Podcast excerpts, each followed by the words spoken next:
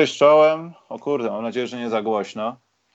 Witamy Was w 103 odcinku. Miejmy nadzieję ostatnim na tymczasowym sprzęcie. Cześć Karol. Cześć Michał, dobry wieczór Państwu. Właśnie wjechał Donek od Green Lucasa, który na stacje kolejowe w Kamerunie, bo on aktualnie pewnie w Kamerunie. Znaczy ja wiem o tym, że on przebywa tam. Bardzo dziękujemy. Mam nadzieję, że żadnego sztormu tam nie ma i wrócisz. Yy, dobrze, Karol. Nie wiem. Zacznijmy może bezpośrednio od newsików, bo tak naprawdę też nie wydarzyło się za dużo, ale możemy z czegoś się pośmiać, Karol. Bo chyba to są sprawy takie bardziej śmieszne. Yy, nie, pierwsza nieśmieszna, Karol, sprawa jest jedna. Że już terminarz będzie wiadomy. Tak, w poniedziałek, nie mogę się doczekać. Nie możesz się doczekać? Ja myślę, że nagramy coś na temat tego, co tam jest w terminarzu w pierwszym tygodniu.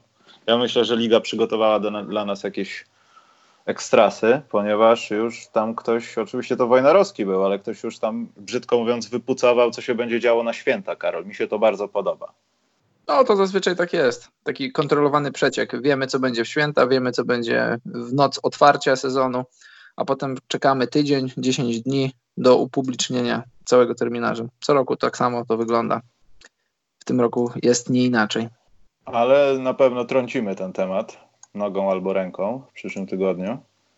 Yy, to jest jedna rzecz. Druga rzecz, Karol, no to chyba jest no-brainer. Draymond Green dostał pieniążki. Tak. Myślisz, że dostał za dużo pieniążków, czy to w sam raz Nie, pieniążków? dostał, dostał w sam raz, a nawet za mało. No, tyle Warriors mogli mu dać i tyle mu dali. Jak najbardziej, jak najbardziej kontrakt e, adekwatny do jego możliwości, do jego potencjału, do tego, co znaczy dla tej drużyny. Powiedzmy, że to jest kontrakt czteroletni o wartości 100 milionów dolarów. Nie wiem, czy, czy, czy trzeba aż tak bardzo go na, analizować. Można go jednym zdaniem podsumować. Bardzo dobry deal dla obu stron. Draymond Green ma 29 lat, więc e, istnieje bardzo duże prawdopodobieństwo, że ten kontrakt wypełni, będąc jeszcze fizycznie w, w swoim prime. E, kontrakt zawiera opcję po trzecim roku, opcję zawodnika. No ja tu nie, nie mam do czego się przyczepić. Uważam, że i dla, i dla Draymonda Greena, i dla drużyny Warriors to jest, to jest dobry ruch. Draymond był na schodzącym kontrakcie, a wiadomo, że grać na kontrakcie, który się kończy, to jest duże ryzyko, bo jeżeli dostaniesz jakiejś kontuzji, to swoją wartość rynkową obniżasz. Tutaj ma zabezpieczoną przyszłość na 5 lat, no bo jeszcze musi zagrać ten rok, więc no, ja się cieszę, znaczy cieszę się. No. Bardzo dobry ruch z obu stron. Dla obu. No, poza tym chyba to też taki no-brainer, co? To się Jasne, chyba nie mogło oczywiście. inaczej skończyć. Nie, to tak Wszystko... samo jak w przypadku, tak, tak jak No. w przypadku Kleja, no nie mogło się, nie mogło to się skończyć inaczej. Nie możesz nie wynagradzać człowieka, który był odpowiedzialny za ostatnich 4, 4 5 finałów z rzędu, w tym trzy mistrzowskie tytuły. No po prostu no nie możesz, nie możesz. Musisz mu zaproponować maksymalne pieniądze, bo jest ich wart, bo, przez, bo w ten sposób też wyrażasz szacunek dla, dla zawodnika. No tak to działa w NBA. E, żeby być bardzo oryginalnym lub bardzo kontrowersyjnym mógłbym powiedzieć coś, dlaczego ten kontrakt mi się nie podoba, ale ja takich rzeczy nie znajduję. Może ty Nie, znajdujesz, bo ja nie nie chcesz być kontrowersyjna po prostu. Nie, nie chcę, nie chcę, nie w tym momencie, nie w tym, nie w tym temacie, no bo nie ma, no naprawdę nie ma, nie ma, nie ma żadnej rzeczy, co do której mógłby się przyczepić tutaj, że za dużo. No nie, to nie jest za dużo. 25 milionów za sezon e, na standardy NBA, na standardy gracza, jakim jest Draymond Green, to nie są duże pieniądze. Cóż więcej można powiedzieć. Yy, to raz. To dwa. Karol, yy, to, to już będzie śmieszne, bo obiecałem, że będzie coś śmiesznego w ostatnich dniach. Nas chyba wtedy jeszcze albo byliśmy i on zaraz to powiedział, ale Aaron Gordon zaczął opowiadać jakieś dziwne rzeczy na temat Markela Fulca. Dziwne rzeczy, ponieważ nie widzieliśmy jeszcze tych rzeczy, że jest potworem, że on już rzuca. I razem w parze, ja sobie to notuję, Karol. Kto będzie jednak pierwszy? Bo już Marcina Gortata chyba wykreśliłem z tego równania, ale to jest taki taki trzech zawodników biegnie na razie. No i ostatnio Melo powiedział, że jest gotowy na 16-20 minut NBA, Karol, i tutaj jest jedna strona, a po drugiej stronie jest Markel Fultz, który trafił z dystansu na filmie raz, ale wierzę, że było więcej razy. I nie wygląda, żeby go bolało. Karol, co się stanie pierwszy? Melo wraca do gry na 16-20 minut, czy Markel Fultz wraca i rzuca za trzy punkty sześć razy w jednym meczu? E, Gdyby zależało od tego moje życie, to stawiam na Melo. Tak? Melo, tak, Melo wcześniej wróci do NBA niż Markel Fultz, któremu życzę dużo zdrowia i też mu życzę powrotu do NBA. Ale tak poważnie, widziałeś te materiały z Fulcem? Tak, tak, widziałem. Wiesz co, pamiętasz, mówiliśmy o tym i wiesz co, y, do rzeczy, co nas wpienia, antycypując, uprzedzając ten, ten segment, chociaż to nie jest taka paląca sprawa, to, to wraca raz na jakiś czas. Bardzo mnie, no nie powiem, że boli, bo Markel Fultz nie jest członkiem mojej rodziny, nie jest moim kumplem, tylko że, no powiedzmy tak delikatnie, boli mnie to, jak amerykańskie media analizują jego sytuację i mówią, i tacy wiesz, no znani ludzie, dziennikarze, których szanujesz i cenisz, yy, byli zawodnicy, że to jest problem mentalny, że on stracił wiarę w samego siebie, stracił swoje możliwości i on musi się odbudować. Nie, my o tym mówiliśmy. Jeżeli my w Polsce, na małej wyspie w Finlandii, między Szwecją a Finlandią, jeśli my wiemy, że to jest choroba, którą my nazwaliśmy, pamiętasz, robiliśmy mały research w internecie, co to jest i doszliśmy do tego, że to jest poważna choroba, dlaczego, Mark, dlaczego Markel Fultz nie gra, dlatego, dlaczego się rehabilituje. To jest problem z układem nerwowym, to jest, to jest rzecz, która stawia pod znakiem zapytania dalszą jego karierę i on najzwyczajniej w świecie musi wyzdrowieć. To nie jest, to nie jest sytuacja, w której Markel Fultz nagle dostał no nie wiem, jakiegoś tam defektu swojego mózgu, ma problemy w sferze mentalnej i potrzebuje psychiatry czy psychologa. Nie, Markel Fultz jest chory, to jest choroba. A że przy okazji jego pewność siebie poszła w dół? Na pewno poszła, tak myślę, ale to, że on nie jest w stanie grać w koszykówkę, nie jest w stanie rzucać, to nie jest problem mentalny, to jest problem poważnej choroby, której nie pamiętam teraz nazwy, ale pamiętasz, dosyć dawno temu rozmawialiśmy o tym stawiam kropkę. Dobrze, dziękuję. Czekałem na, na tą samostawiającą się kropkę. E, ja widziałem, Karol, nawet chciałem się zagłębić gdzieś tam na Reddicie, było więcej tych takich pociętych filmików, to chyba było jakieś, nie wiem, Instastory czy coś takiego, bo to było bardzo krótkie. E, nie chcę jakoś wychodzić na wielkiego eksperta, ale tam dalej widać, nie wiem, tam widziałem w sumie trzy rzuty Markera Fulca, to czasami to, to jest o trzy za dużo może w moim życiu, jakie widziałem rzuty Markela Fulca po kontuzji, ale dalej jest jakoś tak, jak było poprzednio, że ta strefa barkowa jest jakoś naturalnie wyciągnięta, wiesz, jakoś to tak wygląda, że e, no może być Markel w końcu porzucał, coś porobił, bo wcześniej tam był też raport, że oni nie wiedzą, kiedy on wróci do gry, bo sytuacja się nie zmieniła absolutnie. Tak, tak, właśnie o to chodzi, właśnie o to chodzi. Nie wiem, dlaczego ludzie tak bardzo deprecjonują to, co się dzieje z ciałem Marka Fulca. Jeżeli on nadal w stanie nie jest naturalnie podnieść ręki do rzutu, to znaczy, że cały czas ten problem jest. I pamiętasz, jak e, e, pochylaliśmy się nad tym tematem, też był przykład jakiegoś koszykarza, nie pamiętam jakiego, to nie był koszykarz NBA, to był koszykarz na poziomie e, uczelnianym i on do koszykówki nie wrócił. To jest jakiś, wiesz, no ja lekarzem nie jestem, ty też nie jesteś, ale no, interesujemy się NBA od lat i chcąc, nie chcąc też interesujemy się tymi kontuzjami. To jest jakiś problem w sferze układu nerwowego i to jest, to jest poważne schorzenie, to jest poważny problem, który trzeba po pierwsze długo leczyć, po pierwsze po drugie rehabilitować, a po trzecie nie masz gwarancji, że wrócisz do 100% zdrowia. I jeżeli ktoś cały czas mi opowiada, że on, że on ma problem w sferze mentalnej, no to no, no, nie podoba mi się to. Nie podoba mi się tak, tak stawianie spraw i tak pochylanie się nad tym przez osoby, które robią to zawodowo. Zawodowo przekazują informacje kibicom. Właśnie Karol, zerkam na czat i na dzień dobry, jak weszliśmy, Jacek Zechora wypalił z pytaniem, co myślisz o drużynie Karol Śląska Wrocław na nowy sezon? Przekazuję to pytanie Michałowi, dlatego że ja nie, nie śledzę ruchów, które dzieją się w polskiej lidze, nie śledzę samej polskiej ligi. Ostatni raz mecz polskiej ligi oglądałem na żywo w Lublinie. E, start, nie pamiętam z kim grał, ale to nie było w, w sezonie, który się zakończył, tylko jeszcze wcześniejszym, więc no, nie jestem na bieżąco z polską ligą. To Karol, powiem ci, że możesz nawet y, znaleźć jak gdyby taki, no, taki punkt zainteresowania dla siebie, bo Śląsk pozyskał zawodnika, który nie chcę mówić, że jest o, jaki on jest ciekawy i w ogóle, y, że występował w drużynie uniwersyteckiej, która rok temu, w 2018 roku zrobiła niespodziankę. To Loyola University of Chicago.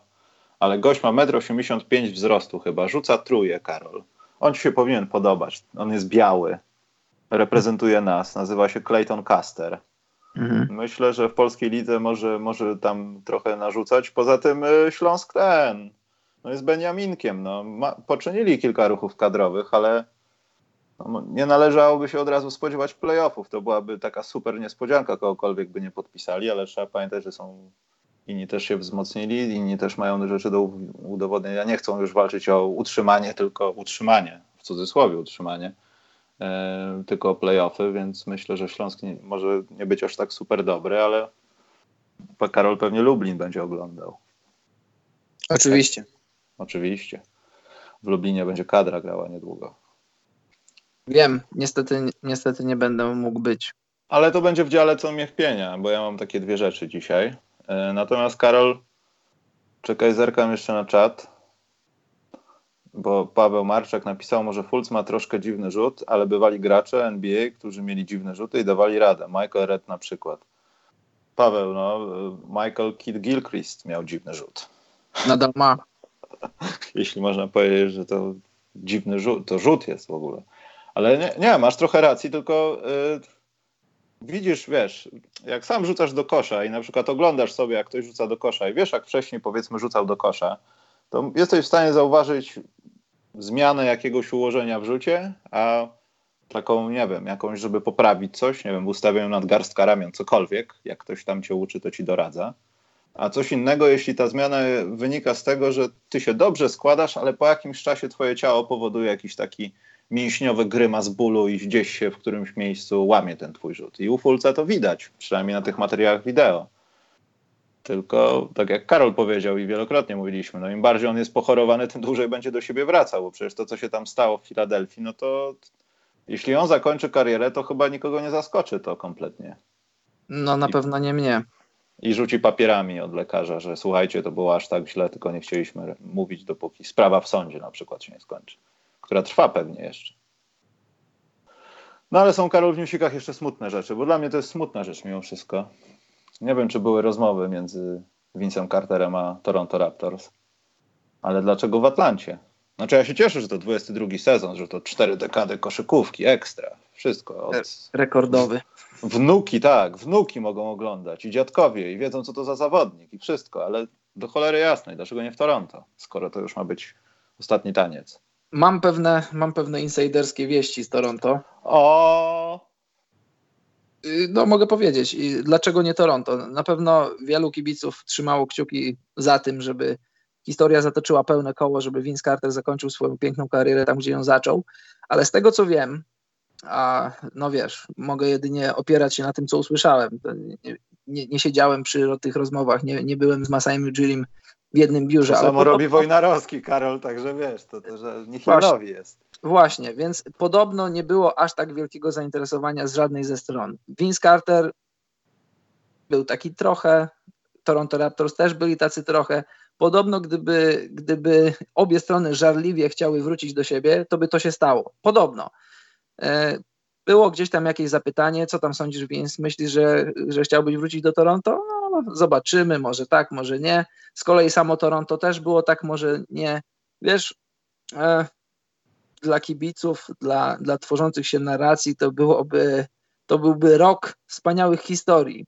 Wiesz, 22 sezon, sprzedające się koszulki, koszulki retro, koszulki takie, inne. Wyobraź sobie, jakby Raptors na przykład w meczu otwarcia zagrali w koszulkach retro, a, a, a Vince Carter wbiegłby na parkie. To by było szaleństwo, więc to, to by się na pewno sprzedało.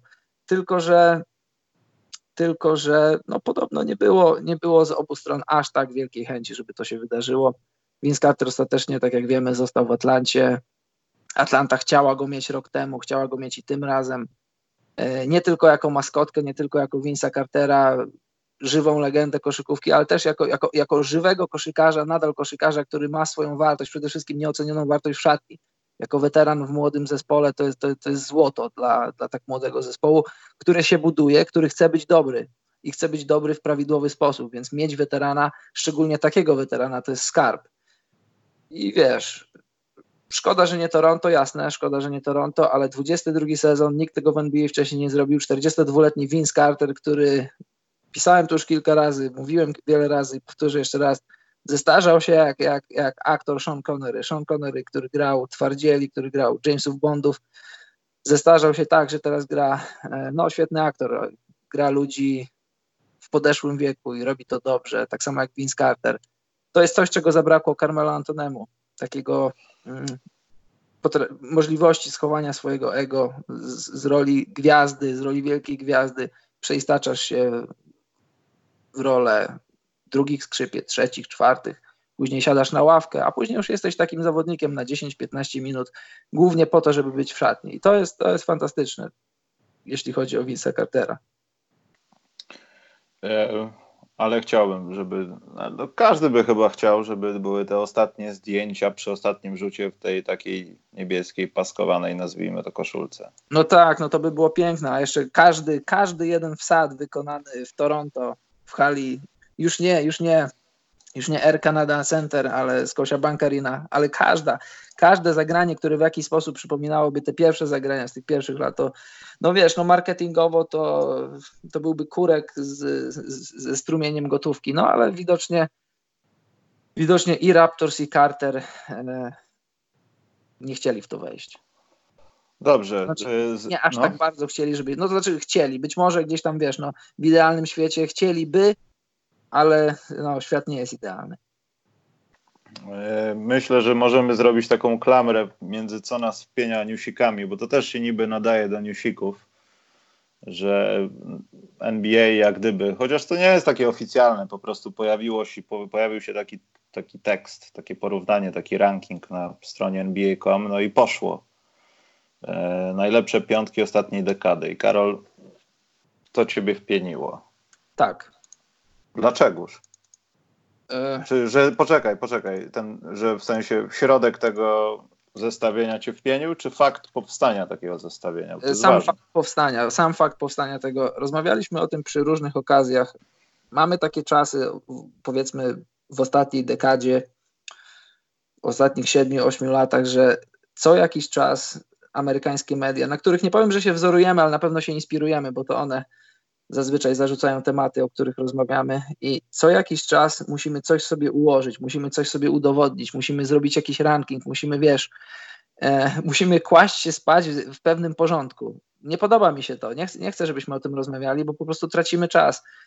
E, teraz za chwilę pochylimy się, e, my poszliśmy o krok dalej, żeby to nie było takie trochę jałowe, choć pewnie to, co my zrobimy też jest trochę jałowe, bo to nic nie wnosi ani do, do, do naszej optyki oglądania NBA, ani do poziomu emocji związa związanych z, z, interesowaniem się koszykówką NBA. No ale. No, Aj, no, Karol, nie, nie, nie, nie, nie, poczekaj, poczekaj, poczekaj, bo tu trzeba postawić taki przecinek. Właśnie wydaje mi się, że to porównanie jest bardziej zasadne, aczkolwiek mniej pokazujące zawiłość tematu, bo niektórzy kończyli, niektórzy byli w środku, a drugich nie było, a powinni być. E, to wydaje mi się, że to jest właśnie chyba najlepszy przeskok tego okresu, który chcemy ocenić. Nawet trochę bym poszedł dalej od tego momentu, kiedy był lockout w NBA pod koniec tamtego wieku. To strasznie brzmi, ja czuję się, nie wiem, z 800 lat starszy, jak mówię tamtego wieku, no ale takie są fakty.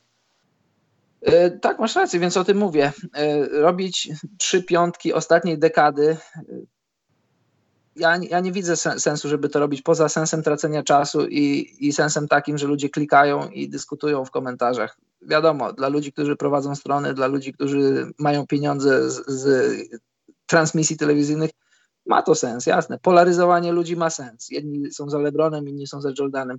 Generalnie aż takiego wielkiego sensu ja w tym nie widzę.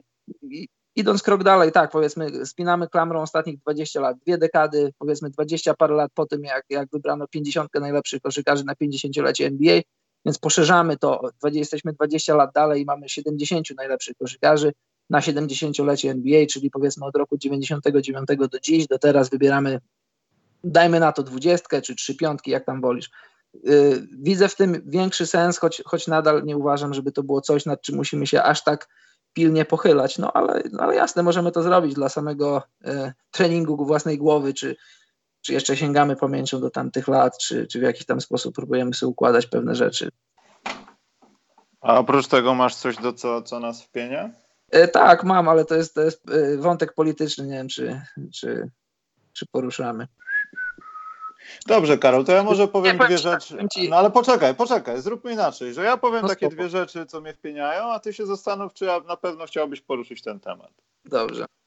Na pewno nie dotknąłem polityki. Pierwsza rzecz jest dosyć zawiła technicznie, nie chcę za bardzo tego tłumaczyć, ale pokazuje, jak mimo wszystko jeszcze w Polsce jesteśmy ograniczeni, jeśli chodzi o zakupy online i to, w jaki sposób działają niektóre sklepy. Tutaj nie będę podawał nazw sklepów, ale Karol, no, no ty się dajmy na to, nie znasz, ja ci wytłumaczę. Mhm. Masz taką sytuację, że przy określonych procesorach możesz dokonać takiego zakupu, że kupujesz płytę z pamięcią, która jest taktowana określonymi tam megahercami, ale dzięki płycie i dzięki temu, co tam na płycie jest, jak gdyby, możesz spowodować, że ta karta będzie troszkę działała szybciej i tam za specjalnie nic się nie będzie działo, żadne to jest podnoszenie wydajności komputera, żeby tam coś się paliło. I przy składaniu, ja zrobiłem symulację, bo nigdy w życiu bym czegoś takiego nie zrobił, że ktoś obcy mi będzie składał komputer i tak dalej. Ale zrobiłem takie złożenie zestawu w jednym sklepie, które usilnie starał mi się powiedzieć, że one nie pasują do siebie. W sensie, wiesz, w specyfikacjach obu tych rzeczy i pamięci i płytek głównej jest napisane, że one pasują, natomiast sklep nie pasują.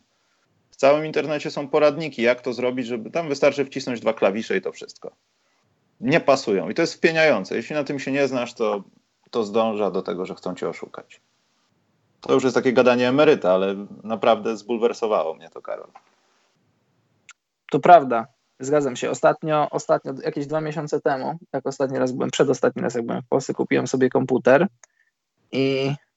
Czy to ten komputer?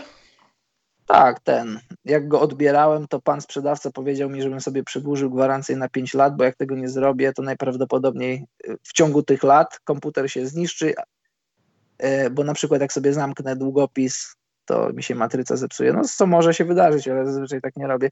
Wiem, już któryś raz kupowałem komputer w tej sieci, nie będę mówił jej nazwy, ale zazwyczaj ludzie straszą. Być może mają takie szkolenia, tak mają powiedziane, że muszą straszyć tym, że że żeby, wiesz, no, że rzeczy się dzieją, żeby przedłużać gwarancję, żeby płacić te pieniądze. No gdyby ta gwarancja kosztowała tam powiedzmy, no tam powiedzmy 80, 100 zł, 100 parę złotych, to może bym się zdecydował, ale ona kosztowała grubo ponad 500, co byłoby jedną czwartą wartości komputera, więc no podziękowałem. E, a druga rzecz to też a propos zakupów w internecie. Mamy bardzo słabo, chyba, chyba że o czymś nie wiem, ale mamy bardzo, Karol, w Polsce rozbudowaną strefę tak zwanych tych porównywarek cenowych, które ja wiem, że też Google do tego zdąża, że chce za tym po prostu nieść określone firmy, najlepiej ze swojej grupy albo jakieś tam dogadanek, albo takie, które płacą, nie wnikam, a części nie ma. Ale nawet koszty różnicy części komputerowych są no, na jakichś poszczególnych elementach rzędu 100-150 zł, jeśli człowiek dobrze się poszuka po prostu. I to też jestem zbulwersowany. Niby 2019, Karol, tu sobie zbliżeniowo płacimy, a tu chcą cię oszukać. Na koniec chcą cię oszukać. No wiesz, ograniczone zaufanie i zawsze warto sprawdzać e, po pierwsze rankingi, a po drugie ceny w kilku różnych źródłach, poczytać sobie o rzeczy, którą się kupuje i to, to, to chodzi o całe spektrum rzeczy, które kupujesz, czy elektronika, czy, czy rzeczy sportowe, czy odzież, czy żywność, cokolwiek. Ja tak się nauczyłem ty pewnie też, że jak coś chcę kupić, to najpierw o tej rzeczy czytam, a jak już wiem, że chcę tą konkretną rzecz kupić, to sprawdzam w kilku źródłach, ile ta rzecz kosztuje i gdzie mogę kupić najtaniej i najlepiej.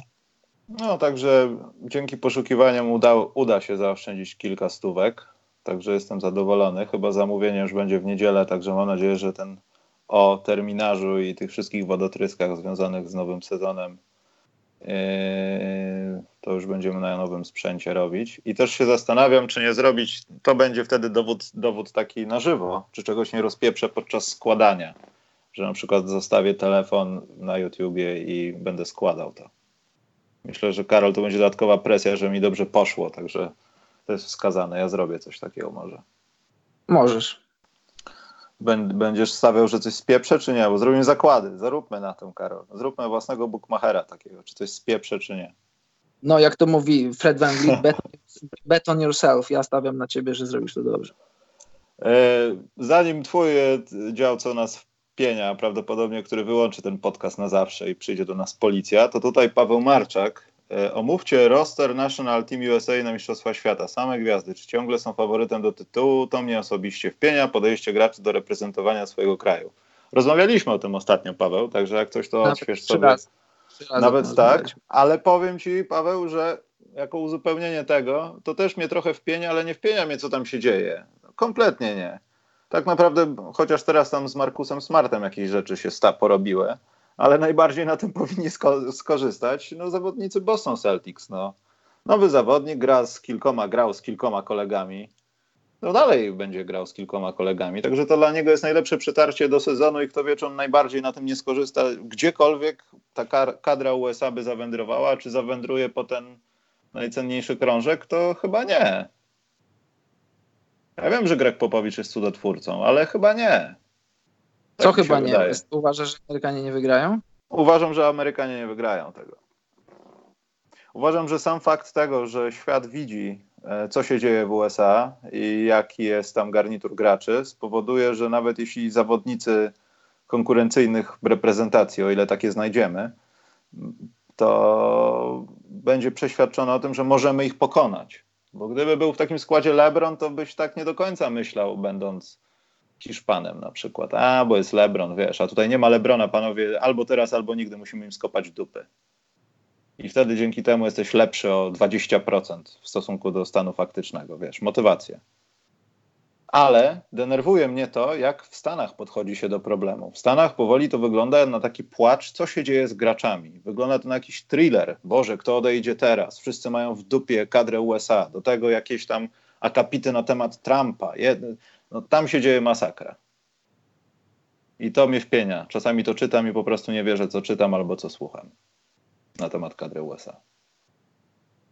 Nie, tam jest po prostu za dużo internetu. Nic, nic nie dzieje się nadzwyczajnego, nic nie dzieje się, czego nie widzieliśmy w latach wcześniejszych. Jeszcze raz, mówię po raz czwarty albo piąty, bo nie chciałbym się cały czas pochylać nad kadrą Stanów Zjednoczonych. Dla Amerykanów Igrzyska Olimpijskie są priorytetem, choć i tak nie najważniejszym. Dla koszykarzy NBA Liga NBA jest najważniejsza. Jeśli mają gdzieś wyjechać poza Stany Zjednoczone, grać o medale dla swojego kraju, to są to igrzyska. Mistrzostwa świata są na drugim miejscu.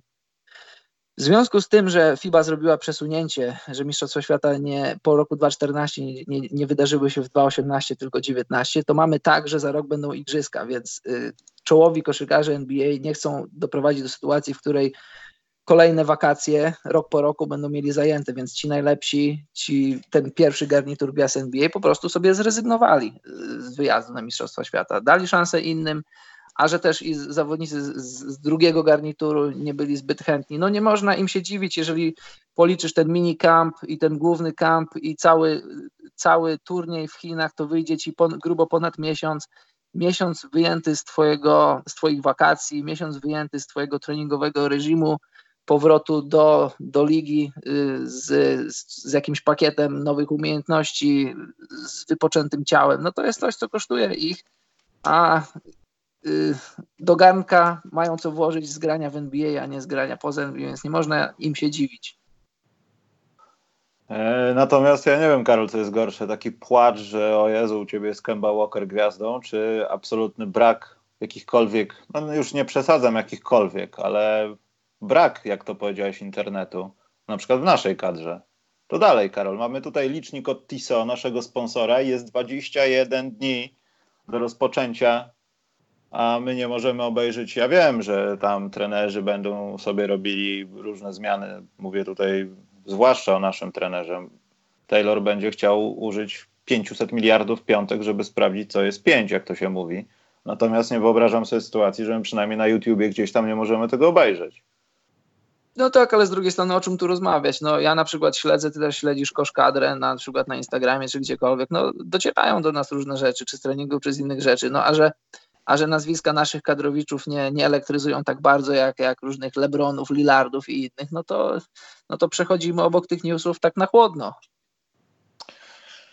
Dobrze, Karol, to, to schodzi się do niestety nieuchronnej rzeczy. No musisz powiedzieć to twoje, co nas wpienia. A, jeszcze dodam, że w komentarzach została, Karol, opisana sprawa y, Durczok Gate. Tam możesz się, Karol, dowiedzieć tak, y, zawiłości prawnych. Tak, wiem, wiem, Także boję się po tym, co będzie teraz. Bądź delikatny, Karol, proszę cię tylko. Dobrze, delikatnie powiem. Na pewno, znaczy nie wiem, czy wszyscy, ale jeśli śledzicie politykę, to wiecie, że dzieje się teraz y, afera z lataniem samolotem. Samolotowa afera. Pewien, pewien y, marszałek był marszałek. Wciński mu na nazwisko y, z rządowego samolotu zrobił sobie Uber, co samo w sobie jest, jest ohydne, obrzydliwe. Y, brakuje słów, żeby to opisać. I to jest jedna rzecz. Ale druga rzecz, która dla mnie jest jeszcze gorsza, i to nie jest rzecz, która mnie wpienia, to jest rzecz, która mnie smuci. Że, że poczekaj, Karol, że furę muszą mu oddać. No bo jak tak, samolot, to, to jest, to jest rzecz, która, To jest rzecz, która mówię szczerze, smuci mnie. Jestem Polakiem, wprawdzie nie mieszkającym w Polsce, ale cały czas los Polski jest mi bliski. Smuci mnie to, że ci ludzie zamiast posypać głowy popiołem, to próbują w dziecinny sposób się tłumaczyć. Jak możesz takie rzeczy tłumaczyć? I wiesz, być może niedługo wyjdzie ustawa, która będzie bardzo ograniczać tego typu rzeczy, ale to, to jest jeszcze bardziej przykre, bo zobacz, czego byś nie usankcjonował prawem czy ustawą, to, to, to odwołujemy się do takich podstawowych, podstawowych cech, jak, jak uczciwość, jak, jak no przede czekaj, wszystkim... Czekaj, czekaj, czekaj, powtórz, jeszcze raz powiedz.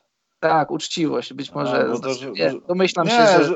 rzadko słyszysz to słowo, więc No właśnie, właśnie o to chodzi. Nie potrzebujesz, znaczy no, byłoby idealnie, w idealnym świecie, nie potrzebowałbyś sankcjonować ustawą rzeczy, które, które wydają się takie bardzo naturalne, no, że jeżeli możesz lecieć samolotem rejsowym, a wszyscy, którzy latają samolotami wiedzą, że między Warszawą a Rzeszowem połączenia są fantastyczne, masz samoloty co kilka godzin, i wychodzi taki Piotrowicz i on mówi, że i wiesz, zawsze podjeżdżanie jest takimi, taki, taką delikatną nutą, że on dla chorej żony jakieś leki, jakieś rzeczy.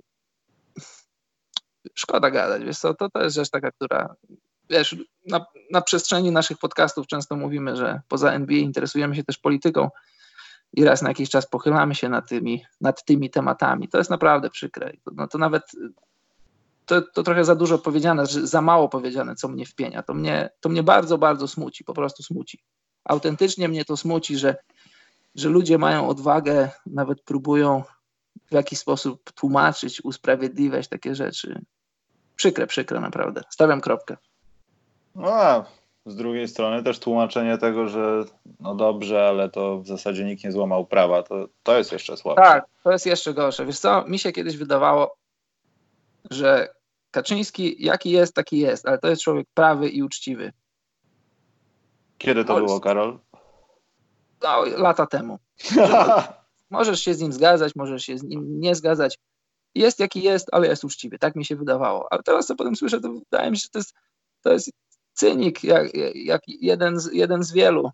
Jeżeli on mówi, że tam nie zostało złamane prawo, być może nie zostało, że nie zostały złamane obyczaje, czyli że obyczajem jest dojenie państwa, jak, jak traktowanie państwa jak, jak swojego prywatnego folwarku, no to, jest, to jest przykre, naprawdę przykre. No szkoda gadać.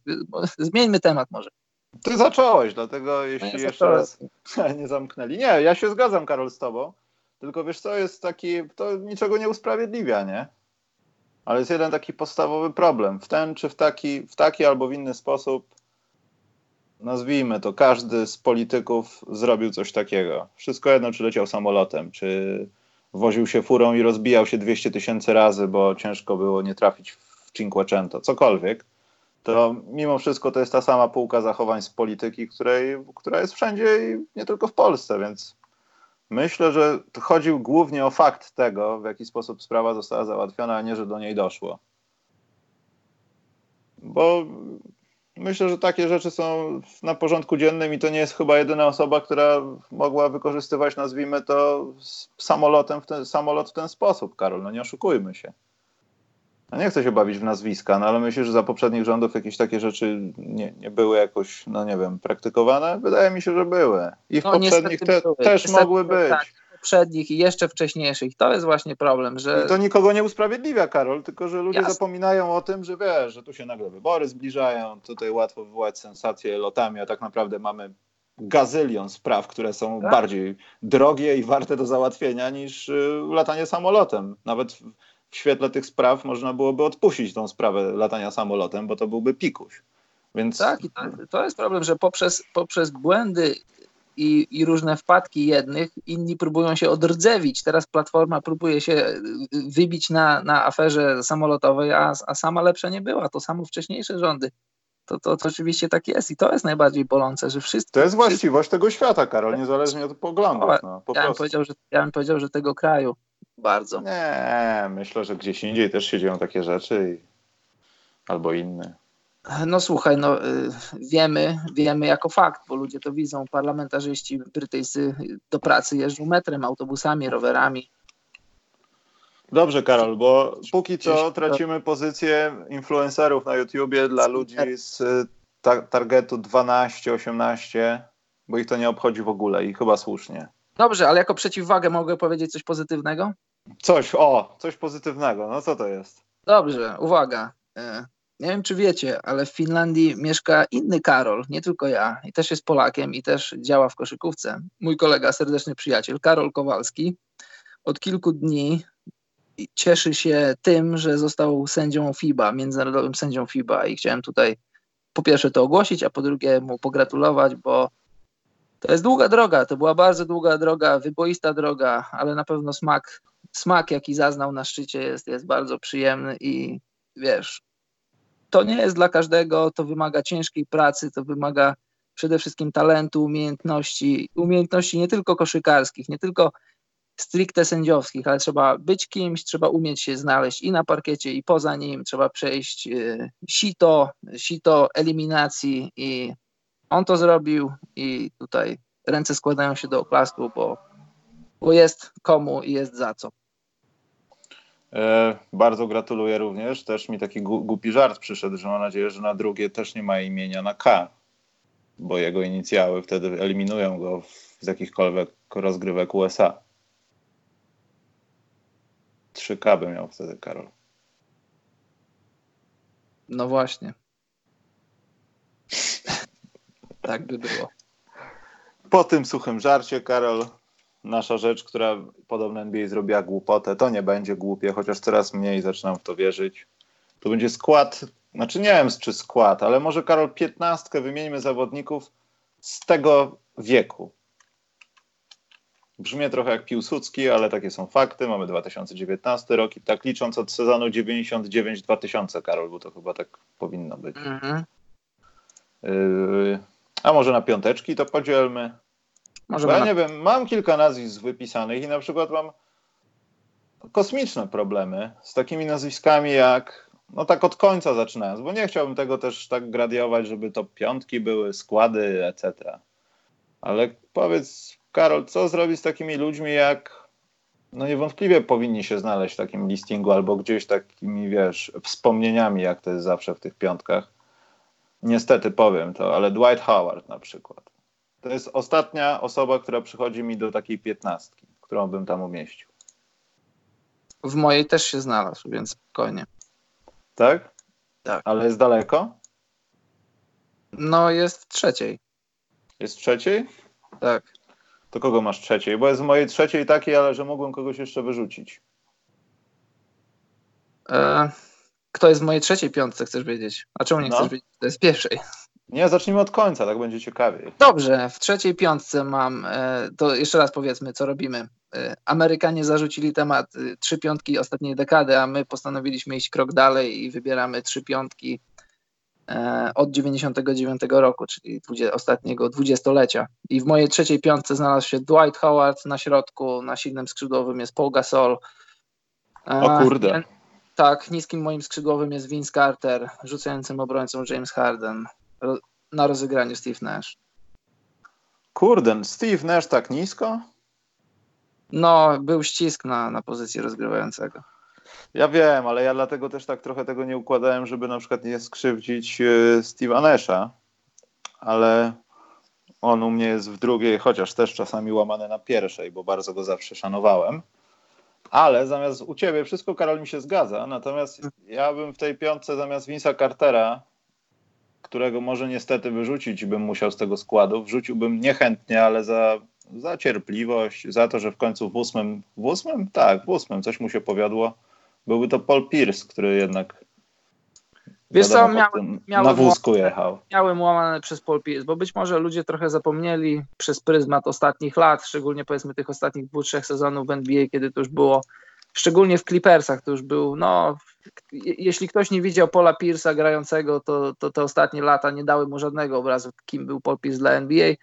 Plus te rzeczy, które Paul Pierce robi i mówi, kiedy stał się reporterem y, telewizyjnym, to tak trochę rzuca, rzuca, rzuca trochę warstwę rdzy na jego karierę.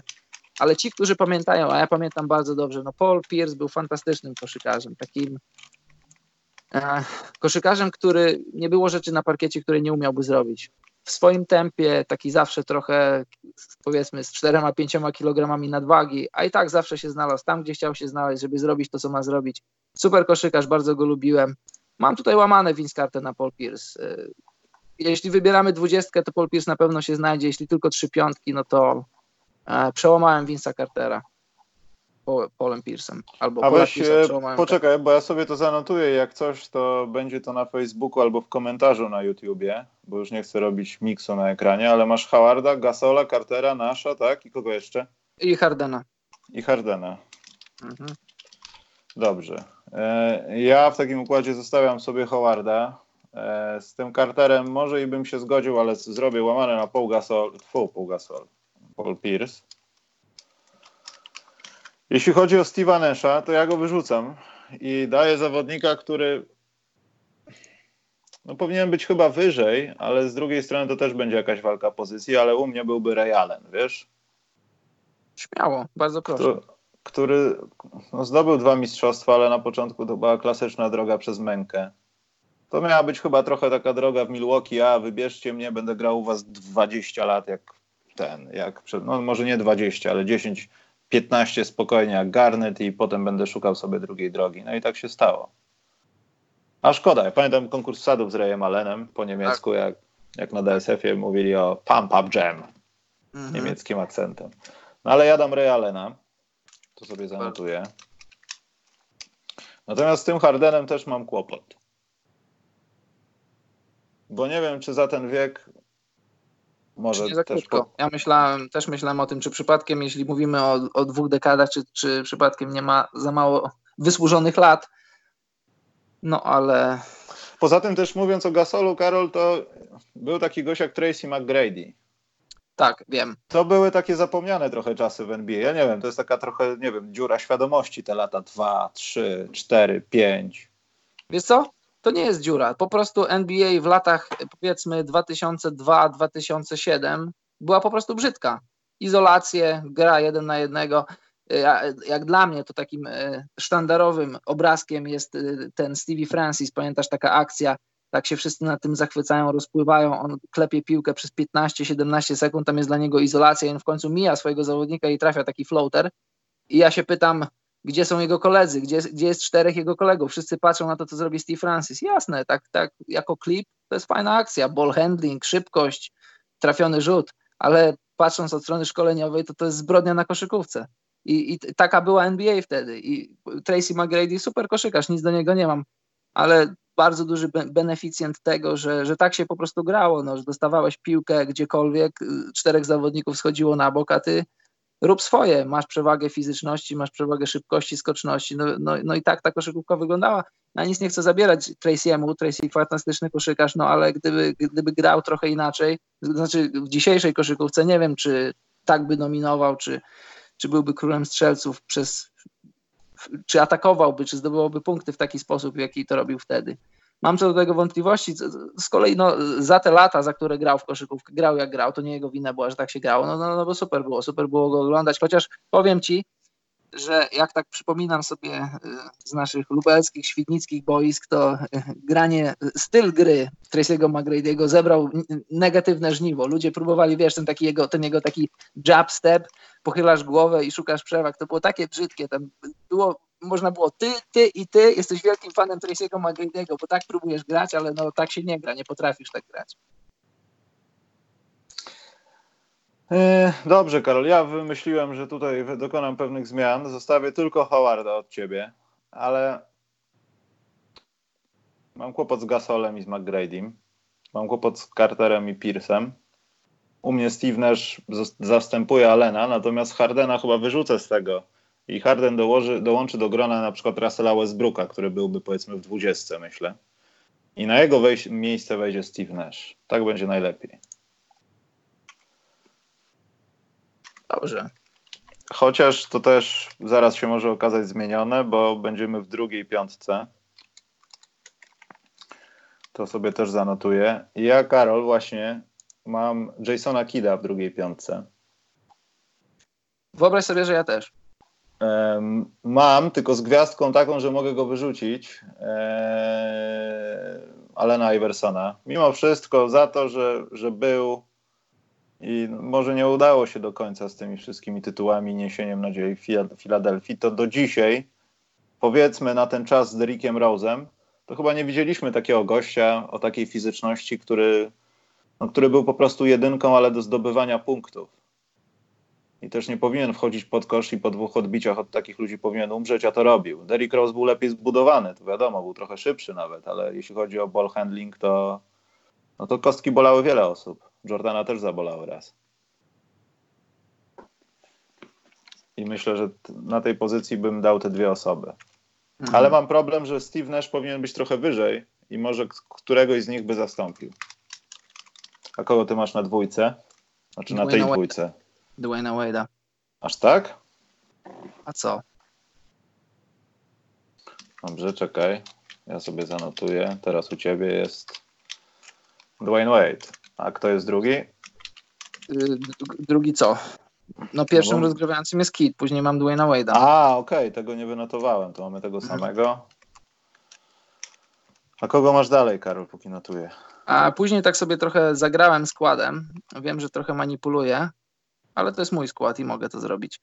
Na trójce mam KD, Kevina Duranta, na czwórce mam Nowickiego, a na centrze mam Tima Duncana.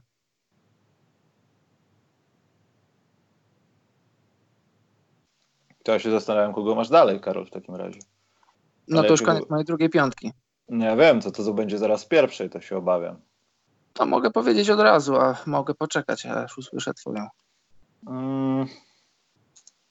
U mnie jest KD. U mnie jest Dirk. Natomiast mhm. y, czy, czy Tim Duncan będzie w pierwszej, to jest kłopot, bo tam musi się pojawić szak. Ale ale Tim Duncan jest zdecydowanie chyba za nisko, jeśli chodzi o drugą piątkę i trzeba tu, Karol, dokonać jakiejś wolty, która y, niszczy pozycję. Tak. I, no, ja, i wiesz, ja zaraz powiem dlaczego. I wiesz co, zamiast Duncana daje tutaj Kevina Garneta. Śmiało. Na centrze, tak? Tak. No może być na centrze, ale wątpię, żeby ten skład grał jakimś tutaj akurat, jeśli chodzi o wysoki, Jasne. jakimś takim, o, jest czwórka, Oczywiście. piątka i tak dalej. To chyba same czwórki byłyby udające, że coś mają wspólnego no, z centrum. No właśnie o to chodzi, właśnie o to chodzi. Dlatego, wiesz, oczywiście, no dyskusja jest taka. Ja uważam, Tim Duncan, no kariera, nie ma, wiesz, no nie, nie ma co dyskutować. Prawdopodobnie najlepsza, najlepszy silny skrzydłowy w historii koszykówki. Choć ja uważam, i możemy sobie podyskutować, gdyby włożyć Kevina Garneta y, w historię Tima Duncana, przyszedłby do organizacji Spurs, ja uważam, że tak jeden do jednego Kevin Garnett był lepszym koszykarzem niż Tim Duncan. E, po prostu no, lepiej, lepszym koszykarzem był, był Kevin Garnett niż, niż Tim Duncan. I gdyby, gdyby kariera Garneta zaczęła się i skończyła w San Antonio, to, to podejrzewam, że, że wyglądałaby bardzo podobnie do TD. Gdyby TD z kolei zaczął swoją karierę w Minnesocie i, i musiałby co jakiś czas widzieć nową szatnię, nowego trenera, nowy management, to nie jestem przekonany, czy zmieniłby kulturę w Minnesocie, czy zdobyłby pięć tytułów. Dlatego ja, wiesz, no to, to jest moja piątka, jeszcze raz. Jeśli zobaczę u kogoś, znaczy zobaczę u większości Tima Duncana w pierwszej piątce na pozycji silnego skrzydłowego, jasne, nie ma najmniejszego problemu. Ale Kevin Garnett jest moim drugim ulubionym koszykarzem w historii mojego interesowania się koszykówką i dlatego chciałem mój mały tribut dla KG zrobić i wrzucić go do pierwszej piątki, ale też z kolei chciałem mieć Duncana w drugiej piątce, dlatego dałem go na centrze, chociaż centrem przez większość swojej kariery nie był, a mógł być, ale w końcówce kariery był centrem, więc dlatego go umieszczam na centrze. Ja chciałbym zrobić taki y, kącik, jak był kiedyś w domowym przedszkolu, że przychodziła taka aktorka, okładała się kocem i udawała babcię i mówiła dzieciom bajeczki. To ja wam teraz opowiem bajeczkę na temat Kevina Garneta, który moim zdaniem jest jednym z tych niewielu zawodników, którzy może są faktycznym dowodem na to, że to nie dlatego, że byli słabi, tylko zespoły dokonywały złych wyborów, e, nie byli okrążeni odpowiednim towarzystwem albo odpowiednią okolicą, byli w złym czasie, w złym klubie, albo tak jak, nie wiem, za czasów Jordana mieli większego przeciwnika, ale myślę, że Kevin Garnett śmiało no w oczach niektórych nie miałbym z tym żadnego problemu, jak ktoś starałby się przeforsować. To może być tej pierwszej piątce tej dekady. No nie oszukujmy się, no ta Minnesota znaczyła aż tyle, co Kevin Garnett, ale jak Kevin Garnett przychodził do NBA, ja nie przypominam sobie do dzisiaj koszykarza, który no był tak agresywnie nastawiony na niszczenie przeciwnika po obu stronach parkietu, mimo że ciało kompletnie mu nie pozwalało na to, bo wszyscy mówili, że jak z, z, dziurantem, on jest za chudy, on ma trochę mięśni, ale on jest za chudy, on przepchnął go, ta koszykówka jest dalej siłowa, patrzcie, jest szak, tutaj, on przecież zostanie zamordowany. Wcale się tak nie działo, ten chłop był silny jak skała, jest silny jak skała. I wydaje mi się, że to jest taki, taki przykład tego niedocenienia, wiesz, przez tyle lat nic nie zrobiłeś, na przykład jak się o Barclayu mówi. Jest kilku takich zawodników, że, że to nie, nie do końca ich wina. No. Tak, o Barclayu szczególnie. To znaczy, prawda. Barclaya to jest wina na pewno gdzieś tam w jakimś stopniu, no ale Karlów Malone'ów z czasów Jordana, czy innych takich. Myślę, że Kevin Garnett jest naprawdę ciekawym gościem. Jednym z moich ulubionych koszykarzy tego wieku. No, dlatego wydaje. właśnie to, to, co powiedziałem, ja nic, nic nie zabieram Timiemu. Timi, no, no, fantastyczny koszykarz. Prawdopodobnie. Dla wielu, nie dla mnie. Znaczy, wiesz, ciężko powiedzieć, w jaki sposób ocenić miejsce zawodnika w historii na danej pozycji. Pięć mistrzowskich tytułów, MVP, e, opoka, fundament organizacji przez tyle lat, człowiek, który zmienił kulturę tej, tej drużyny. Wiemy o tym, oglądaliśmy na ten temat filmy, czytaliśmy książki, wiemy to od osób trzecich, czwartych, taki był Tim Duncan, musisz go za to szanować. Jeśli ktoś ma go ponad Garnetem, be my guest, nie ma najmniejszego problemu. Tylko, że ja uważam, jeżeli stanie obok ciebie Kevin Garnett w swoim prime, stanie obok ciebie Tim Duncan w swoim prime, koszykarsko więcej umiał Kevin Garnett. Obrona na podobnym poziomie. Kevin Garnett lepiej rzucał, Kevin Garnett lepiej kozłował, Kevin Garnett lepiej podawał. No i w ogóle ten jego drive, jego charakter. Znaczy, to, to, to jest rzecz taka niewymierna, tego nie możesz ocenić, ale, no, ale możesz jako, jako kibic. Ja jako kibic, ja oglądasz Kevina Garneta, słyszysz te różne historie, jaki on był i z jednej strony to podziwiasz, z drugiej strony się śmiejesz, bo, bo to było takie, to, to było coś na, coś, coś na, na, w podobie Michaela Jordana. To podejście do meczu, podejście do treningu. Zresztą miałem okazję widzieć to na żywo Kevin Garnett już, już na jesieni swojej kariery, już na Brooklynie, kiedy do, dla koszykówki nie miał już aż tak wiele do zaoferowania, kiedy miał zniszczone kolana. Gość w wieku, nie wiem ile on miał wtedy lat, e, jak ten mecz w Londynie był przeciwko Atlancie. No, to już był jego przedostatni sezon w NBA. I on był najbardziej spoconym gościem po treningu. On nie, ma nic do, nie miał nic do udowodnienia. On był MVP, on był mistrzem NBA, był najlepszym obrońcą ligi. Przyjechał zagrać jeden głupi mecz w Londynie, a wyszedł najbardziej spocony ze wszystkich a co drugie słowo trzeba było wypipczeć, co, co pokrzykiwał do swoich zawodników. Taki był, tak ja go pamiętam w NBA i jeszcze raz, dla mnie koszykarsko jeden do jednego, jeśli chodzi o tak zwany skill set, y, Kevin Garnett tak po prostu był lepszym koszykarzem niż Tim Duncan. Chyba będą jakieś małe zmiany, Karol, bo tak wypisałem swoją pierwszą, usłyszę podobną pewnie od ciebie. To już mówić mam... pierwszą? E, wiesz co, nie, poczekaj, bo zastanawiam się, czy tak, żeby zapamięci, e, no nie wyrzucić tego Alena Iversona jednak z mojej drugiej piątki, bo zdałem sobie sprawę, że będę musiał w takim układzie Dwayna Wade'a umieścić do którejś z dwóch pierwszych, bo wydaje mi się, że jeśli się nie powie o tym zawodniku, że on jest najlepszy w tych ostatnich 20 latach w NBA w jakimś tam aspekcie, to będzie krzywdzące. Mówię tutaj o Karym. Bo jeśli chodzi o Hardena, jeśli chodzi o Westbrooka, no to może gdzieś tam po drodze jakieś mistrzostwo, jak zakończą karierę, będzie mogło ich stawiać za te 5 lat w tym gronie, ale Kary myślę, że już zapracował na to, żeby przynajmniej być w tej dziesiątce, na swojej pozycji. Nawet tak. patrząc przez fakt tego, co zdobył. I tak. crossover Iversona i to wszystko, co widzieliśmy na początku tego wieku kontra jego trójki. Dlatego ja chyba wyrzucę Alana Iversona i zostanę przy Wade'zie, którego chciałbym dać w pierwszej piątce, no ale trudno. To jak Nie twoja dam. druga ostatecznie wygląda? Poczekaj, w drugiej Wade musi się zamienić z Karem, ale niechętnie, chociaż Wade, Wade bardzo, bardzo, bardzo, bardzo chciałbym, ale trzeba być pada, sprawiedliwym. Poczekaj, bo napisałem Steven Wade i to nie jest dobrze. E, Kary, James, Kobe, Shaq i Tim Duncan. W Co oznacza, że y, nie, w pierwszej. Bo pierwszej. A w drugiej? Kogo masz w drugiej? A, w drugiej mam też Kida, Wade'a i mam w zasadzie wszystko to, co ty, chociaż zastanawiam się, czy tutaj Nowickiego nie przerzucić na mojego Tracy'ego McGrady'ego i, i zrobić inaczej, ale niech będzie. Nowickiego też mam i zamiast Duncana mam Garneta. Dobrze. No dobrze, no to moja piątka, żeby uściślić, już wygląda tak na środku Shaq, na, na czwórce, tak jak mówiłem, KG, LeBron James, później Kobe Bryant i Steph. To kogo masz zamiast Duncana? Bo się pogubiłem. No jeszcze raz, na środku Shaq, później KG, później LeBron. A, okej, okay, dobra, dobra, dobra, dobra. Dobra. Steph. Dobrze. Tu mamy to samo, tylko zamieniliśmy się Duncanem i Garnetem w zasadzie w piątkach. Jasne.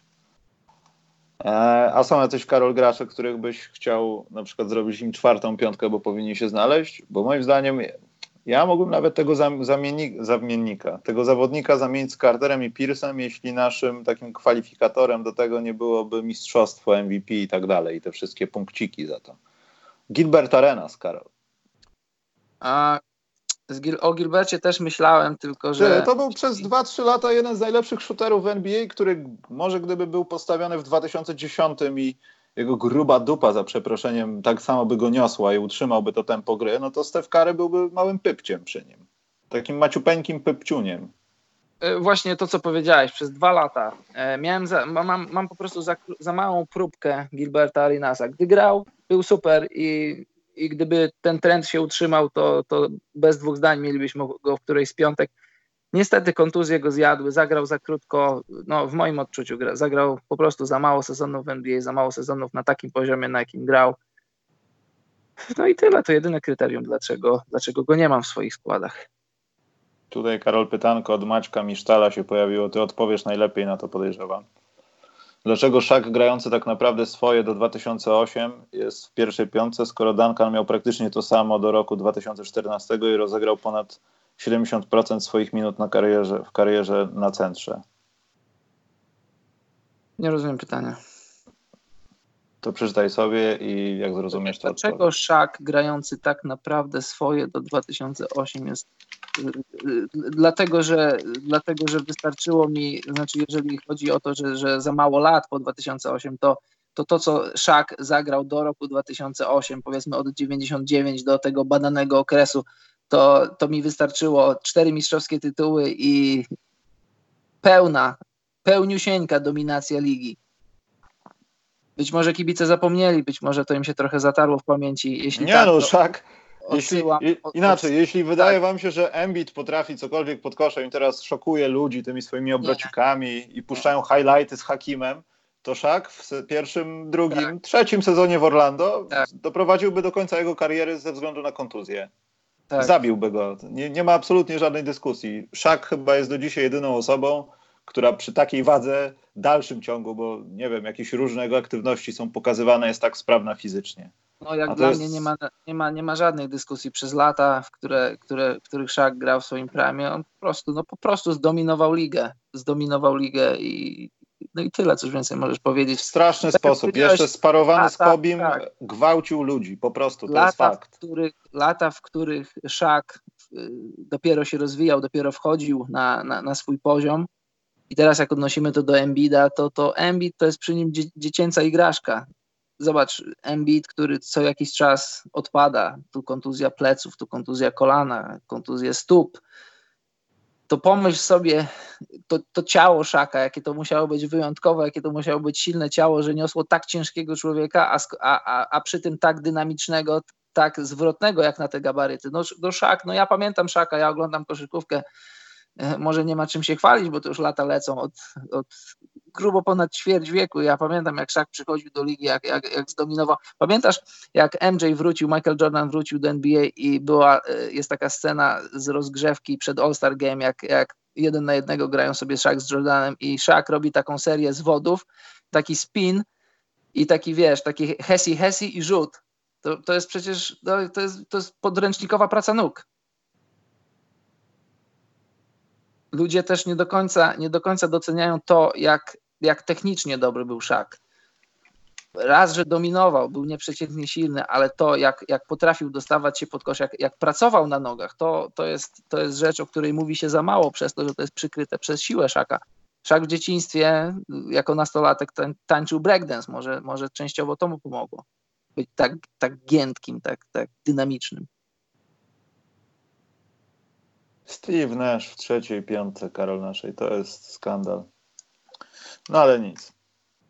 no wiesz, tak no i właśnie... Przypomnę te, to, to, co, co, tak, co robi... Są, to są tego nie. typu zestawienia, dlatego wiesz, no czy one cokolwiek wnoszą do tego, my to zrobimy, zakończymy i, i, i cokolwiek, co, czy cokolwiek to zmienia w, w, historii naszego patrzenia na koszykówkę. Dlatego ja nie jestem super fanem robienia takich rzeczy, no ale możemy tak, możemy zrobić, żeby sobie pogadać, żeby zapełnić czas. Ale swoją drogą, jak złożymy nowy sprzęt, musimy zrobić jakąś wideo transmisję z tego na przykład w jakiejś nowej części 2K20 Karol Szak kontra Zion. Na jakichś automatycznych ustawieniach. Ciekawe jak to komputer widzi po 20 latach, bo myślę, że nie widzi tego tak samo jak my. Może. Okej, okay, przejdźmy do pytanek w takim razie. E, te wszystkie piątki, nawet dla tych, co słuchają teraz tego w MP3, są dostępne na Facebooku albo w komentarzu do, do filmu na YouTubie. Nie wiem, czy na SoundCloudzie się to zmieści w komentarzu, ale tak też będzie. Ja, ja Karol, mam tylko jedną informację jeszcze, że e, no, Jutro mi się chyba nie uda, ale w poniedziałek już finalizujemy sprawy czapkowych wysyłek. Sorry, ale ten tydzień miałem przechlapany. Musiałem szukać tych rzeczy do komputera, jeszcze praca i tak dalej, także nie wyrobiłem się. A, a chcę wam to tak zapakować, żeby pan z jakiegoś poczteksu nie zrobił z tego jak... Ostatnio jest jakiś wiralowy bardzo filmik z polskiego jakiegoś właśnie kurierstwa, jak facet traktuje taką przesyłkę chyba z jakimiś komponentami do, do, nie wiem, chyba komputera, czy może tam laptop był jakiś w środku. No jak to zobaczyłem, to nie. To nawet czapkę trzeba jakiś azbest pakować, bo oni mogą nawet to podpalić, także to jest masakra. Macie jeszcze teraz, komentujcie proszę cyrk, jaki się właśnie odbywa w Koszkadra. Nie wiem, jak mam to skomentować. No, komuś na czymś nie zależy. No, tak jak Karol powiedział, można coś na Facebooku. Poczekaj, Maciek, najpierw to ja zaznaczę, że są pytanka do Was, żeby ludzie się połapali przynajmniej na Facebooku, tfu, na YouTubie. Ale wydaje mi się, że to nie jest tak trochę różowo, jak Karol powiedział, że możesz sobie wejść na Facebooka, na Koszkadrę, zobaczyć jak Matthew Wojciechowski z kolegami, z Olkiem Balcer, Balcerowskim chodzą sobie potem chyba Pradze, czy po czymś, nie wiem.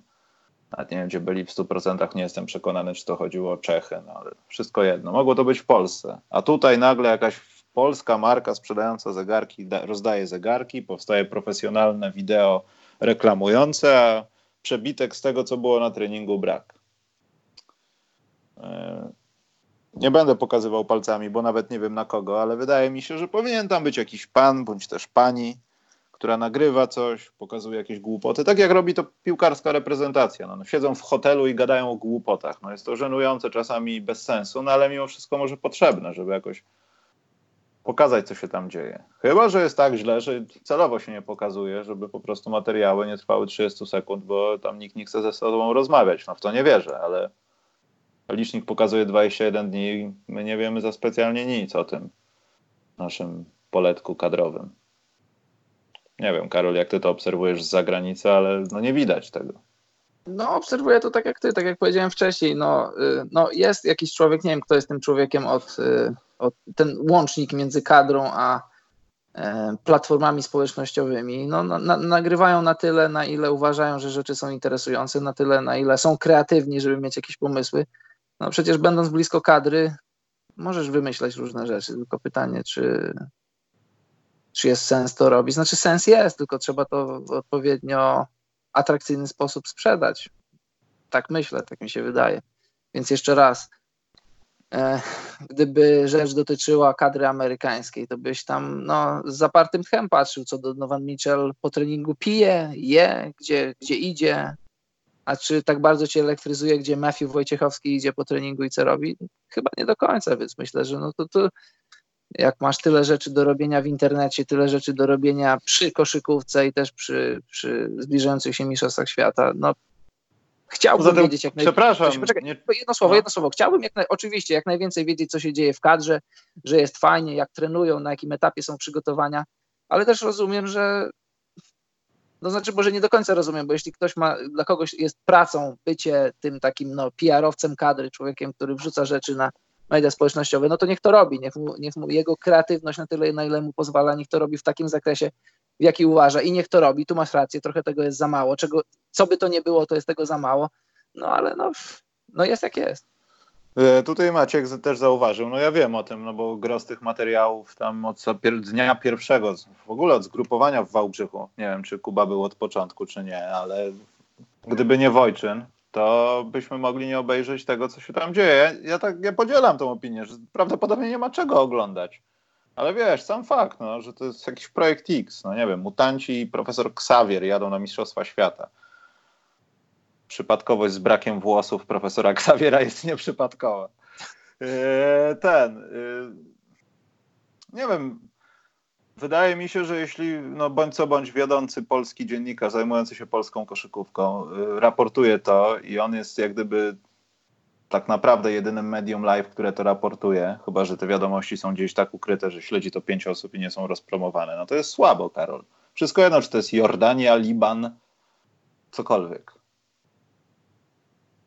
Ale Liban to ty szanuj. No ja miałem rozmowę kiedyś z trenerem 4 lata temu kadry Libanu, która była w Bydgoszczy i e, padło tam takie stwierdzenie na konferencji prasowej, że na, chyba w sprawie Wooda, Woodsa, Leon Woods, on miał wtedy 40 lat, grając tam w kadrze i dlaczego on, no, trener go powołał? A, bo ja lubię zawodników, którzy rozumieją Liban. Nie padł żaden komentarz, ja po konferencji prasowej zapytałem się, chodziło o akceptowanie pewnych rzeczy religijnych i podejście specyficzne do kobiet. Taka e, odpowiedź została mi udzielona, także e, taka dygresja. Pytanie, o, Karol. Trochę no. przesada. Nie, trochę no nie wiem, to, to... Byłem, byłem w Libanie. W Libanie jest bardziej europejsko, bardziej liberalnie niż się ludziom wydaje. No, ale to, to było w 2015, temat, może, może było inaczej. Na, ja byłem w 17, więc pewnie nie aż tak dużo się nie zmieniło, ale to jest temat na osobny podcast. Właśnie, a propos tematów na osobny podcast, to informacyjnie w weekend będzie publikacja podcastu z debiutującym na falach podcastowych Rafałem Draganowskim. Proszę Ciebie, Karol. Będziemy rozmawiać Super. o samowiążących się butach. Znaczy już rozmawialiśmy, tylko ja muszę mieć czas, żeby to dokończyć, w sensie owiać to jakąś muzyką i będzie dobrze. Dzisiaj właśnie tak. rozmawiałem z Rafałem, zamówiłem kolejne buty.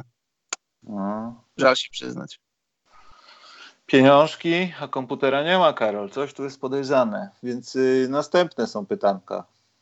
Maciej Misztal. Pytanie, z którym ostatnio się zmierzyłem, z pozoru proste, ale naprawdę po dłuższym zastanowieniu się robi, robi się w głowie bigos. Kto po ostatnim sezonie jest najlepszym zawodnikiem NBA?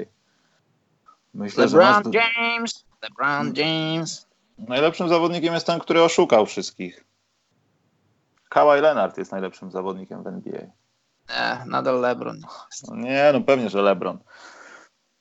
LeBron nie ma żadnego podjazdu, chociaż to, co zrobił w tym sezonie Kawhi Leonard będzie się kwalifikowało do rzeczy, jak wygrałem mistrzostwo z jedną drużyną, wygram sobie z drugą, a i zatrzymałem jeszcze free agency, że nie mogliście przez dobry tydzień nic zrobić, bo nic nie mówiłem, gdzie chcę iść. Tak w skrócie nazwał tą nagrodę. Można tak powiedzieć. Eee, nie wiem, czy mamy jeszcze jakieś pytanka, ale jak nie mamy pytanek, to możemy iść. Karol, poczekaj, dam sobie czat na żywo, może coś opuściłem. No widzisz i tak, e, jakby to powiedzieć, e, pośród gąszczu rozmawiania o rzeczach nieważnych, o, o, różnych takich głupotach wokół ligi, ludzie tak szybko zapomnieli o LeBronie Jamesie. Kontuzja, owszem, kontuzja, nie wejście do playoffów, całe playoffy bez niego. Tak trochę zapomnieliśmy, kto przez ostatnią ponad dekady rozdaje karty w NBA. LeBron James, człowiek wypoczęty po tylu latach, po, po dziewięciu latach niegrania w finałach, po już nie pamiętam ilu latach w ogóle niegrania w playoffach, LeBron James nadal jest najlepszym koszykarzem NBA. I myślę, że to pokaże w tym sezonie. Tylko mam, jedno, mam jedną prośbę do LeBrona Jamesa. Jedną, tylko jedną. Już nie chodzi mi o mistrzostwa, żeby przestał nagrywać te durne filmy z Taco Tuesday, bo po prostu... Niech to robi do końca świata i jeden dzień dłużej. Coś mi się w głowie I... dzieje, jak on o, to mówi. No. Właśnie, nie Michał, mogę. druga rzecz, do, do co mnie wpienia, może ci się to podobać, możesz być obojętny wobec tego, ale tobie się to nie podoba, ok, ale jeszcze od niepodobania się do, do, do tego, żeby usiąść przy komputerze i, i, i przy pod filmikami, w których LeBron y, y, urządza sobie Taco Tuesday, nie wiem czy widzicie, widzieliście, jak nie widzieliście, to sobie zobaczcie, ludzie hejtują, twój rekord w finałach, że się czołkowałeś w 2.11 i w 2.10, jaki internet jest e, dziwny, żeby nie użyć brzydkiego słowa. No ale że, Karol, zapomniałeś co było, jak Kobi rzucił sześć dyszek na pożegnanie, przecież to, to samo się działo. Nie Tak, pamiętam tak. tylko, czy on miał wtedy Twittera, czy nie, ale komentarze były takie wszędzie, że nawet stary w ogóle tam zapomni, co to jest. W ogóle odejdź, wiesz, to, Ja wiem. To- to internet, chyba tak jest, no. internet nie przestaje mnie zadziwiać. LeBron James co wtorek nagrywa sobie Taco Tuesday i tam zobacz, siedzą To jest sobie fatalne, fatalne to jest. Siedzą sobie, w, no może być, jasne, to jest, to jest kwestia odbioru tego. Siedzą sobie w kuchni, siedzi jego żona, jego dzieci, LeBron kieruje komórkę na każdą z osób z jego rodziny, każdy ma powiedzieć Taco Tuesday, najlepiej mówi to jego żona Savana w mojej ocenie i, i tyle. No, może, może ci się to, jak jesteś fanem LeBrona, to ci się to podoba. Ja nie jestem ani fanem, ani antyfanem, jestem fanem koszykówki, ale no to jest śmieszne, to jest śmieszne. LeBron zaprasza nas do swojej kuchni i pokazuje nam, co robi we wtorki, we wtorki je taco. Tyle, no. Znaczy fajnie, że to jest ten klimat rodziny, wiesz, zachowany, że siedzą przy stole, tutaj jakiś taki, wiesz, gość jest, był ten Antony Davis jak przy jednej okazji jakiejś, a nie siedzi z chłopakami, są wszyscy zjarani i grają na PlayStation. To akurat jest tyle dobrze. Poza tym i tak jest lepiej niż Hassan Whiteside. Hassan Whiteside przez jakiś czas chyba na Snapchacie miał taki okres, że martwe zwierzęta robił CIA Carcass. Że na przykład zobaczył na plaży martwą rybę i było kilka filmów, dlaczego umarła, co się mogło stać. I też było to cykliczne. Jakieś takie dziwne morskie zwierzęta tam były. Czekaj, zerknę, czy jest jakieś pytanie i idziemy sobie. Maciek, czy poznamy prawdziwą, Maciej Szetela pytał, Maciej Lampę versus Koszkadra, prawdziwa historia, poznamy ją? Tu nie ma chyba żadnej Karol historii. Och, I tak i nie. No, a jaka jest historia, Karol? Kiedy poznamy tą twoją tajną historię? E. Macieja Lampę, która prawdopodobnie nikogo. No bo Co- nie wiem, czy, czy nikogo nie obchodzi, no. No właśnie. rezultat jest taki, no. On nie zagra i wszyscy wiemy, że to nie są chyba powody takie, gdybym mógł, to bym zagrał. Nie, to chyba tak nie jest. Przynajmniej Tak, wynika to z tak. moich informacji, ale no nie ma go, no trudno, trudno. Adam Waczyński odda w takim układzie 13 trójek, a nie 7, no. Trudno. No właśnie. No, ja z Maćkiem rozmawiałem, znam szczegóły.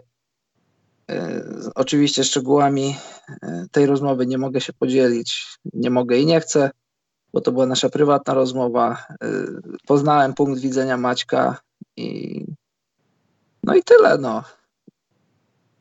Nie, nie, no, nie mogę więcej powiedzieć, no. Znaczy, tak, Wiem, ale nie To, mi- powiem. wiem i nie powiem, bo nie mogę powiedzieć, no bo to była nasza prywatna rozmowa i jak zapytałem go, no jak to jest z kadrą, dlaczego nie grasz, dlaczego nie będziesz grał, powiedział mi, jak on to czuje i, i tyle. Jest drugie pytanie, chyba dotyczące Lebrona. Tak, TWTX pyta, czy LeBron James ma szansę wygrać jeszcze MVP, czy Lizej nie jest to na rękę? Co musiałby zrobić? Wygrać pierścień z Lakers. A dlaczego, lidz- dlaczego NBA miałoby nie być na rękę Właśnie też nie wiem. dla, dla LeBrona? No to znaczy, bo to są dwa, dwa osobne pytania, czy LeBron wygra MVP? Ja myślę, że, że, że w jego prywatnym interesie on już nie ma takiej ambicji, żeby to zrobić. Znaczy, gdyby przy, tak, no, cudzysłów przy okazji to się stało, no to jasne, im więcej masz trofeów, tym, tym, tym lepiej dla ciebie. Ale wątpię, żeby na tym etapie jego życia i kariery i koszykarskiej, i pozakoszykarskiej to było coś, o czym on myśli przygotowując się do sezonu. Więc myślę, że nie, że już nie będzie MVP, bo on chce sobie przez sezon przezimować, a, a w playoffach chce pokazać. Chce, chce kolekcjonować trofea, jeśli by, jeśli by się dało. A, a czy, jest, czy byłoby to nie na rękę NBA, no to no ja, ja, nie, ja nie widzę takiej teorii. Dobrze, to było ostatnie pytanie, Karol. Dlatego kończymy nasz, nasz przecudowny podcast. Mam tylko, Karol, do Ciebie takie pytanie. Słyszałeś, znaczy ostatnio na pewno zauważyłeś ten trend, ale czy myślisz, że do, dojdzie do nas, albo będziemy musieli jak gdyby go zaaplikować tak ordynarnie, mimo naszych chęci bądź niechęci, yy, vlogowania, Karol? Będziemy vlogować coś kiedyś, czy nie? Bo już Raczej. robiliśmy to w Londynie i Raczej chyba nie, raczej. ra- raczej nie. Myślisz, że nie? Wiesz co? E, Czy, w w, internecie czy poczekaj, to jest podpytanie, czy wstydzisz się vlogowania z Londynu, Karol, naszego? bynajmniej, tylko że ja uważam, że w internecie przepełnionym pustą treścią, takimi pustymi kaloriami, e, zapraszanie ludzi na swoje platformy tylko po to, żeby pokazać, właściwie co pokazać. No właśnie, to jest podstawowe pytanie, co pokazać, bo jeżeli, jeżeli pokazujesz część czegoś, na przykład naszej wyprawy na NBA, to jest część naszej wyprawy. Zapraszamy ludzi, którzy interesują się koszykówką, żeby zobaczyli koszykówkę jeszcze trochę bliżej, żeby poznali nasze emocje związane z tym, że jesteśmy na NBA. Ale jeżeli oglądasz rzeczy, na przykład takie, że ktoś jedzie robić zakupy do jakiejś tam znanej sieci, powiedzmy meblowej czy jakiejś i, i, tam cię ten ktoś zaprasza, to dla mnie to są puste kalorie, to, to, jest, to, jest, to jest strata, strata czasu na oglądanie, strata czasu na robienie tego, co, co wnosi to do twojego życia. Puste przeloty. Pust, puste to, przeloty, tak. To mi się kojarzy z tą, z tą taką rozmową z Alternatywy 4, kiedy ten pan Lincoln czarnoskóry zamieszkał w bloku i Anioł powiedział, że jeśli on coś będzie dziwnego widział, to od razu, żeby do niego a on tam od razu, no nie wiem, chyba przyjechał do Polski, no i zobaczył gdzieś kolejkę i przyszedł do pana Anioła i powiedział, a pan Kubiak złupił 10 jaj. Tak. A potem stanął w kolejce i złupił znowu 10 jaj. Tak mi się z tym skojarzyło, Karol. To jest dobre skojarzenie. Dobrze, w takim układzie kończymy. Wbijajcie na nasze Patronite, Donajciki, Facebooki, Instagramy. Nie wiem, Karol, mamy coś jeszcze. Wszystko mamy tylko tam wszystko, to wszystko jest w opisie. I myślę, że we wtorek, w środę się jakoś spotkamy, żeby coś pogadać w tym terminarzu. Wybierzemy sobie nasze ulubione spotkania. W weekend podcast dotyczący y, butów. Znaczy tak od razu mówię, nie spodziewajcie się wodotrysku, bo my trochę zaczynamy temat podcastów Co w butach piszczy i może będzie drugi odcinek i jak macie jakieś pytania dotyczące technologii albo takich rzeczy, co kupić, to myślę, że Rafał pomoże i może jakąś serię z tego zrobimy. Także jak coś, sobota, niedziela zapraszam, a tymczasem Karol, czas na ciebie i ukręcamy się. Dziękujemy za dziś i dobranoc, mili ludzie.